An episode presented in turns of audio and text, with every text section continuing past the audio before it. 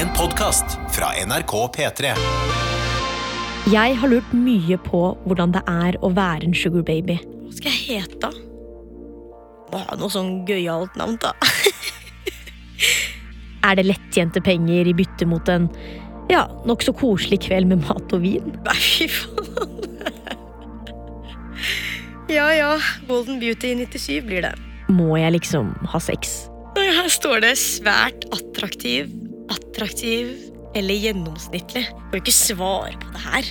Så rett og slett kunne jeg drevet med sugardating.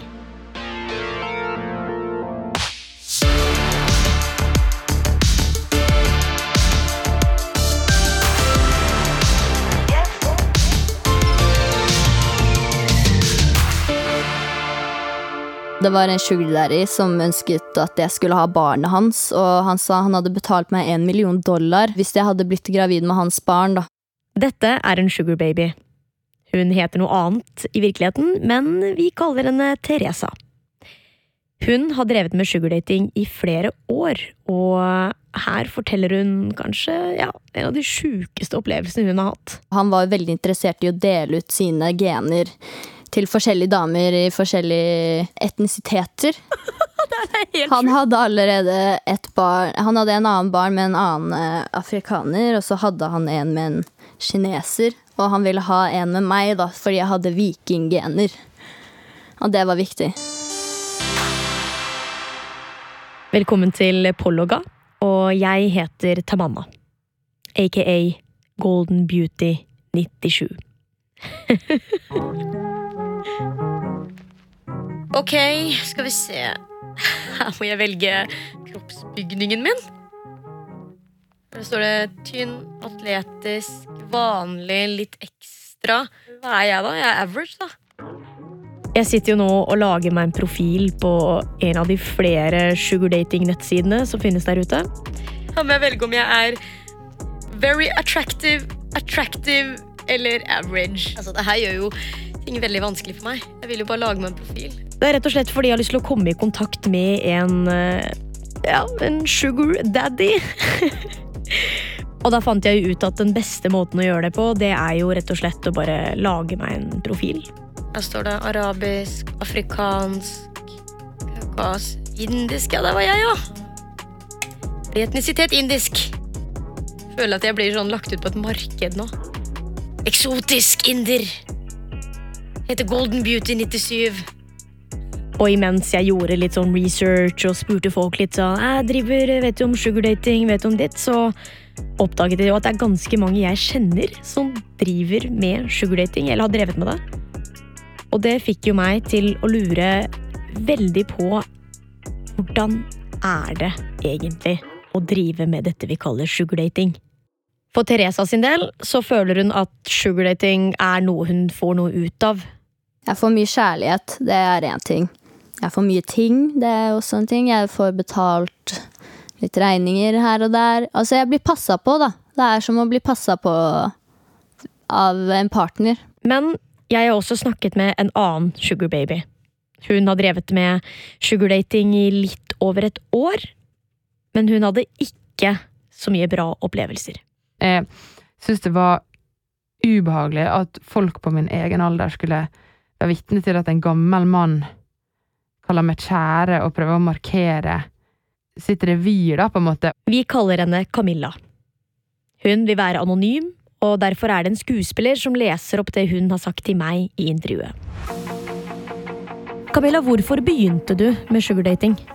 Jeg begynte fordi jeg syntes jeg mangla penger til å ha det så komfortabelt og gøy som jeg ville som student. Og jeg hadde hørt mye om at sugardating var noe man kunne gjøre uten å, uten å være prostituert. Du måtte liksom ikke ha sex hvis ikke du ville det. og det var veldig mye snakk om at det skulle være komfortabelt for begge. og alt sånn. Så det var liksom mala som et veldig idyllisk, eller, eller i hvert fall en komfortabel måte å tjene penger på.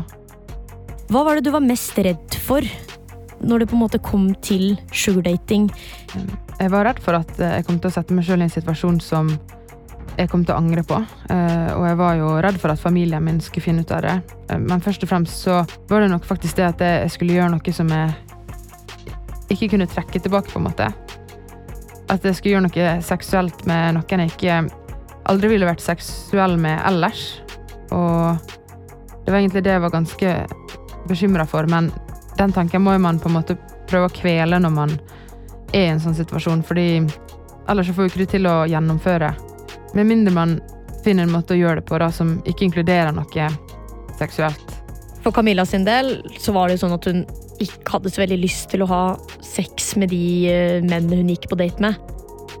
Og det er jo egentlig ganske forståelig, fordi det, det, er jo saken annerledes. ikke sant? Da er det ikke bare en date plutselig, men i tillegg så er det penger involvert, og du skal liksom ligge med dem, så jeg, jeg kan forstå det.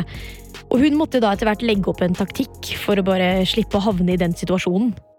Jeg lærte jo med etter hvert at eh, det var veldig mange som var veldig pratsom, og skrev veldig lange meldinger, um, og var veldig sånn uh, De ville bli ordentlig kjent, uh, og alt sånt. Så da brukte jeg jo egentlig det som en grunn til at jeg også anså det her som en ordinær date, da, på lik linje med, med andre dater jeg hadde vært på. Og, og, jeg liksom sa at jeg ville jo aldri ha ligget med noen, eller vært intime med noen på første date, hvis ikke hadde vært sugardating, eh, og at jeg liksom så på dette som en like normal datesituasjon, eh, og at jeg derfor vil bli bedre kjent og ikke bare la meg eh, kjøpe på den måten, da. Så det var egentlig det jeg brukte som argument. Um, ja, for å få betaling første gang. Uh, og så var jo saken den at jeg kunne ikke møte deg flere ganger da. Ja, for da følte du kanskje at du mista Etter hvert så mister man kontroll? Ja, jeg likte i hvert fall ikke å bli sjefa eller å være noen sin eiendel eller tilbehør eh, på den måten når man var ute på date. Eh, det var på en måte forventa at man skulle legge mye innsats i skuespillet overfor offentligheten for å vise at jeg var hans. Det likte jeg veldig dårlig. Noen ganger så fikk jeg hånd på låret og ble kalt kjære og sånne ting, og det syns jeg var kjempe, kjempeubehagelig, og det var Ja, det er en stor grunn til at eh, jeg ikke har fortsatt med det, for det var Det var en situasjon jeg ikke klarte å bare holde maska i. Nå har jo jeg faktisk fått kontakt med en uh, sugar daddy her.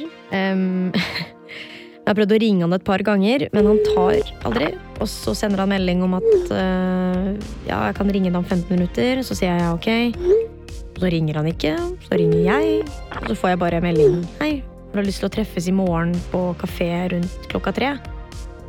Og så svarer jeg ikke. Og så ringer jeg igjen for å Ja. Og så tror jeg ikke han helt skjønner det, så han sender melding igjen og sier hva med i morgen, da? Så det, virker jo som han vil på en type date, da.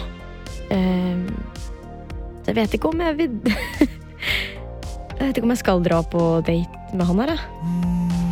Jeg må være helt ærlig, jeg får litt uh, packeren av tanken på at jeg skal møte en, uh, en fremmed mann med mye penger og Ja, det bare Det stresser meg litt. Men altså, fordi hva forventer egentlig menn fra deg når du skal på en type sånn sugar date.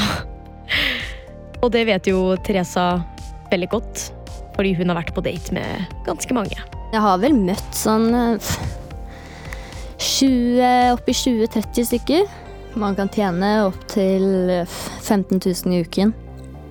Og litt mer. Det er jo tydelig at Therese har et litt annet bilde av uh, hvordan ja, sugardating foregår, da, enn en Camilla hadde. Nei, det var liksom Jeg trodde jo at uh, man måtte ut og ligge, da hvis man, eh, hvis man fikk seg en sugar daddy, at det var det eneste. Men jeg fant jo veldig fort ut at det var veldig mye enklere å kontrollere situasjonen enn det, enn det jeg hadde sett andre gjøre, på en måte. Mm. Hvordan, hvordan, var det du startet med det? Eh, jeg gikk inn på en side, så tok det vel egentlig bare fem timer før jeg allerede hadde fått fem stykker som var interessert. Og så sa han at eh, hvis jeg ønsket det, så kunne jeg få litt penger til å kjøpe meg en aftenkjole og noen sko så vi kunne se litt bra ut sammen, da. Var dette ditt første møte? Dette var mitt første, første møte. Hva, hvordan så denne sugardaddyen ut? Han var jo 54. Uh, eh, og han var, han var, ganske kjekk for sin, for sin alder, det, det, skal jeg si. Men uh, Han hadde mørkt hår, og han var, han var Altså, jeg tenker at han var en uh, stødd på sin tid. Men Kan ikke du fortelle litt om uh, ditt første møte med denne mannen? Jo, vi, vi dro på en restaurant, og uh, ja, egentlig alt var helt vanlig. Vi satte oss ned ved bordet, bestilte litt uh, forskjellig mat som vi kunne dele, da. Jeg hadde ikke prøvd så mye der, så han var interessert i at jeg skulle prøve litt forskjellig av hans favoritter fra den restauranten. Og jeg hadde på meg en veldig fin, lang eh, hvit kjole. Han ba meg spesifikt om å kjøpe en sånn og sånn type kjole. Og så var jeg veldig stressa for hvordan folk kom til å tenke. Jeg var jo 18 på den tiden her sånn, med en 54-åring, så jeg følte jo veldig fort at folk enten kom til å tenke at det var faren min, eller mm. At det, jeg var skikkelig golddigger som satt der, liksom. Hva var det dere snakka om? Alt fra studier til jobb til kjærlighetsliv til hvordan ting hadde gått dårlig for han, eller hvordan ting hadde vært for meg. Egentlig generelt alt om livet. Hvorfor sluttet du å møte han? Det er fordi han eh, ønsket uh, privatrom med meg, eller et, han ønsket meg på et hotellrom med seg selv en natt. Mm. Og der føler jeg at på en måte grensa går hvis jeg ikke føler noe mer for han. da. Jeg følte det var vennskapelig. Så hvis jeg hadde på en måte gått, tatt en, gått over den grensa, så hadde jeg følt at det hadde vært prostitusjon istedenfor sugardating, og det er, ikke, det er ikke det jeg driver med. Teresa er ikke redd for å gi beskjed når en sugardaddy tråkker litt over grensen hennes.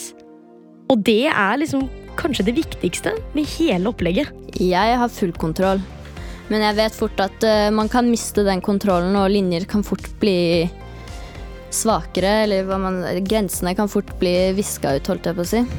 Hvordan er det du opprettholder kontrollen? Jeg er egentlig bare veldig fast bestemt på mitt. Hvis, det, hvis, jeg ikke vil noe, så sier jeg det bare rett ut med en gang. Det er ikke noe hvis eller men. Eh, du må på en måte vite hva du vil fra du, fra du starter. Og vite hva du finner deg i, og hva du ikke finner deg i. Men hun opplever jo ofte at sugardaddyene er litt mer gira enn det hun pleier å være. Det har skjedd egentlig de fleste gangene hvor de har ønsket å ta forholdet videre. At de faktisk vil inn i et forhold. da. Og der på en måte går grensa litt for meg. Altså, Jeg ser på det på en måte som en jobb, sånn som alt annet. Jeg er det er nesten sånn, sånn servicehyggelig. Uh, som ofte blir misforstått som uh, forelskelse, eller at man er veldig interessert i personen. da, Hvis man er veldig hyggelig og imøtekommende. Men det er jo én elefant i rommet. Den har eh, store ører, lang snabel og heter sex. Ja, jeg kunne ha ligget med noen av de. Det, det kunne jeg. Hva, hva, skal til for at du på en måte er villig til å gjøre det, da? Connection og Jeg må føle en viss uh, tiltrekning til personen.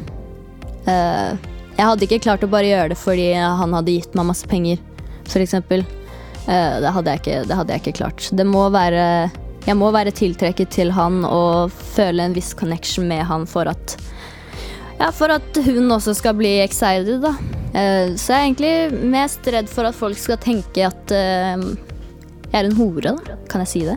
Ja, ja. ja at jeg er en hore. Teresa mener jo at det er et skille mellom sugardating og prostitusjon. Fordi hun mener da at et uh, sugarforhold, som det heter, inneholder mye mer enn bare sex. Prostitusjon er jo for nytelse, da. Det er ikke for å skape et vennskap med noen eller eh, dra ut og spise med noen. Det er basically kun for å ligge. Mens sugardating er mer for å skape en relasjon med andre og Ja, mange har gifta seg med sugardaddyen sin, f.eks. Det er også en ting. Men når noen tilbyr deg én million dollar for å bli gravid ja, da, da, må jeg være ærlig og si at eh, jeg begynner å vurdere hva jeg kunne gjort for penger og ikke. ass. Men var det egentlig aktuelt for eh, Teresa? jeg vil ikke ha barn engang, så det Så nei, det hadde jeg ikke. Nei, nei, nei. nei.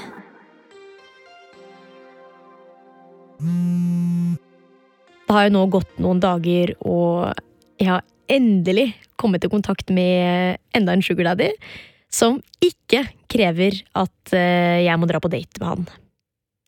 Så vi har jo snakket litt på telefon sammen og hadde en ganske hyggelig samtale, og nå har jeg fått med han på et intervju med meg. Vi kaller denne mannen Trond, og det jeg lurer veldig på, er jo egentlig hvorfor han ja, Hvorfor driver han med det her? Og hva er det han egentlig føler at han kjøper når han er på en sugardate? Det jeg kjøper meg fri fra, er at jeg kjøper meg fri fra dårlig samvittighet. Trond forteller jo at han driver mye med sugardating fordi rett og slett vanlige forhold ikke fungerer så bra for han. Han sier at han jobber mye, lange dager, og rett og slett bare sliter med å finne en person som ja, funker som en tradisjonell kjæreste, da. Han sier jo også at uh, han ja, har litt problemer med forpliktelser, eller at det er vanskelig for han med livsstilen hans, så ja, det, det kan godt være sant, det. Kanskje ikke alle har tid til å ha en vanlig kjæreste.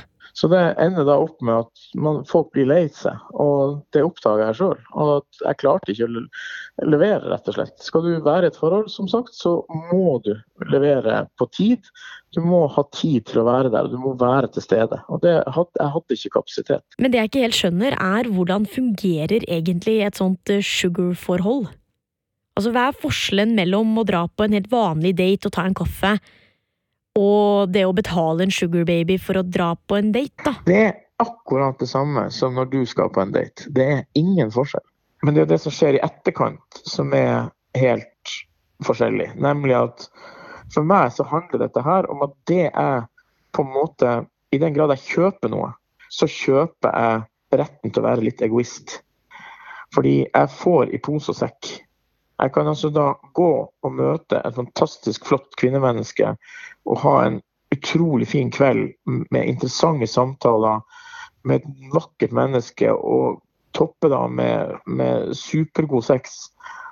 Og så er hele premisset at jeg trenger ikke å tenke på henne dagen etterpå hvis jeg har mye å gjøre.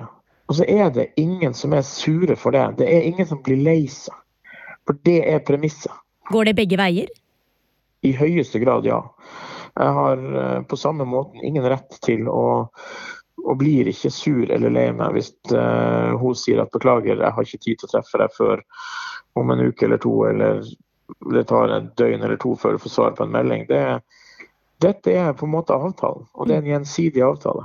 Så ifølge Trond så er jo premisset tydelig. Men det er jo noe annet involvert her også. Det foregår jo en transaksjon av penger. Og hvordan er det egentlig Trond betaler for de datene han kjøper? Det varierer litt. Uh, noen ganger så er det rent ut en Vipps-overføring. Mm. Uh, noen ganger så er det i form av gaver gjerne ofte en kombinasjon. Og så er det i noen tilfeller der man har gått inn og på en måte hjulpet dem, betalt noen regning eller en husleie eller sånne ting. Da. Det varierer jo. Det blir naturlig, som man gjør med andre når man dater noen og er, og er litt sjarmert og betatt. Så blir det jo ofte til at man kjøper litt gaver og at man vil gjøre litt hyggelige ting for den andre. Men du er kanskje litt ute etter sum og sånn? Du betaler selvfølgelig for middag og alt som er. Mm. Og så er det litt sånn avhengig av Som sagt, jeg har liksom bare da litt sånn på eget initiativ, da. Hvis det er så er vi liksom vippsa alt fra 2000 til 5000 kroner, liksom. En annen ting er jo dette med aldersforskjell. Og det er jo ofte et tema fordi det er jo liksom eldre menn som går på date med veldig unge jenter.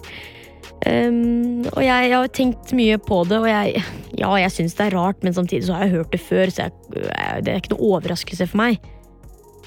Men det var visst helt uaktuelt for Trond sin del. Den som jeg har truffet mest og oftest, og som absolutt har det beste relasjonen til, hun er ett år yngre enn meg. Han synes det er et stort problem at så mange jenter helt ned i tenåringsalderen ser etter raske penger på sugardating-nettsider det er urovekkende mye jenter der som er 18 og 19 og 20 år gamle. Og da mener jeg at da er ikke du emosjonelt eller uh, på noe som helst sett klar for og moden for å vite om du takler en sånn type forhold. Jeg hadde ei som skrev melding til meg hun var 19 år, og den meldinga brant seg fast der hun skrev rett ut at hun var blakk. Og så Satt hun i Danmark, hadde ikke penger til å komme seg hjem. Dette var da koronarestriksjonene hadde slått til.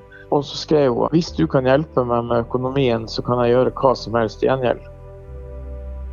Da er det bare pappahjertet mitt som får vondt. Så det jeg endte med var at jeg sendte henne penger. Jeg ga henne penger så hun kom seg hjem. Men jeg har aldri møtt henne, jeg har aldri snakka med henne. Jeg sa dette er en gave, sånn at du mm. kommer deg hjem. Og så er du nødt til å tenke igjennom ting. Du er mye mer verdt enn dette her, liksom. Trond har merket at det er mange menn der inne som utnytter desperate sugar babies. Han vil jo gjerne at jenter virkelig skal tenke seg om før de vurderer å starte med dette. Innenfor dette området så finnes det nok folk som opererer med veldig ulike etiske målestokk. Jeg har ingen sympati for voksne menn som treffer jenter i 20-årsalderen, eller som er altså, svært mye yngre enn dem, som ikke har verken livserfaring eller noe grunnlag for å bedømme hvorvidt dette er en klok avgjørelse. Hvis en sånn gjøk klarer å lure et eller annet en stakkars litt blakk, litt desperat jente til at OK, jeg kan møte, du kan komme, vi kan møtes, liksom, for Og så får de liksom en tusenlapp for å ligge med noen. Altså, da vil jeg jo tenke, da blør det jo inni meg. liksom. Og da, da, da, er vi på over, da er vi nesten forbi prostitusjon. Da er man nesten på overgrep, liksom. Altså Selv om mitt inntrykk er at det er egentlig dritmange som driver med sugardating i Norge, så er det langt ifra like populært som det er i ja, la oss si Danmark. Og jeg fant en forsker som heter Christian Groes, som jobber på Roskilde universitet. Jeg heter Christian Groes. Han leder Europas første forskningsprosjekt på sugardating, som publiseres ja, akkurat nå. Den første og store undersøkelsen undersøkelse av sugardating. De siste fire årene har han prøvd å finne ut hvorfor folk gjør det og hvordan det har blitt en del av ungdomskulturen i Danmark. Det, det er sånn sett alle sosiale grupper øh, der sugardater. Og de har noen forskjellige grunner til å begynne med det. Altså, Noen begynner fordi de rett og slett søker spenning eller bekreftelse, og så er det noen som gjør det ja, fordi de trenger money. Men så er det jo da det vanlige problemet som ofte dukker opp der er noen menn øh, der behandler dem, dem, som om det var prostitusjon, eller som om de, de var prostituerede. Og det er de fleste unge ikke interessert i. Han sier at man trenger en øh, kompetanse for å kunne skille mellom de gode datene fra de som kan bli ubehagelige. Der det er mange der, der kan risikere å komme i problemer med sugardating hvis ikke de, de passer på. Men denne kompetansen, hvor, hvor finner jeg den, eller hvor er den? Må jeg, må, jeg, må jeg, bare vite at jeg har den inni meg, da? Som en slags sånn superkraft? Ok, ja, den har jeg. Den kompetansen, vet du. Hvordan vet et vanlig menneske det, om de har den kompetansen da, for å skille gode dater fra dårlige? Jeg syns det var for vondt å skulle undertrykke den både skamfølelsen, men også at jeg, jeg hadde jo egentlig ikke lyst. Jeg følte at det, ja, jeg fikk betalt for å sitte og prate med noen og spise mat, som jeg også fikk, men det var jo en, på en måte en lovnad om at det skulle bli noe mer. Eh, og jeg likte ikke den tanken. Hva svarte jeg til sugardaddyen som absolutt ville møtes på kafé? Nei. jeg turte ikke. Jeg føler jo at jeg mangler denne kontrollen eh, som Teresa sier at hun har. Altså, jeg hadde ikke visst hvordan jeg skulle sette grenser. Så det gjør jo at jeg tror at jeg ikke ville taklet å være en sugar baby. Men hvis du klarer å gjøre dette uten å tråkke over dine egne grenser, så ja, kanskje. Helt ærlig så fortsatte jeg på grunn av pengene. Men det ligger jo også en annen stor elefant og stirrer på deg og forventer noe av deg. Den har nokså store øyne og heter penger.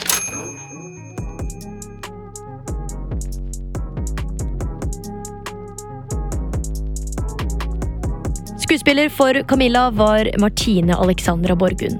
Og hvis du har opplevd noe rart, spennende, kanskje helt sjukt på internett, så send en mail til tamanna at nrk.no. Du har hørt en podkast fra NRK P3. Hør flere podkaster i appen NRK Radio. Jeg elsker bergensere!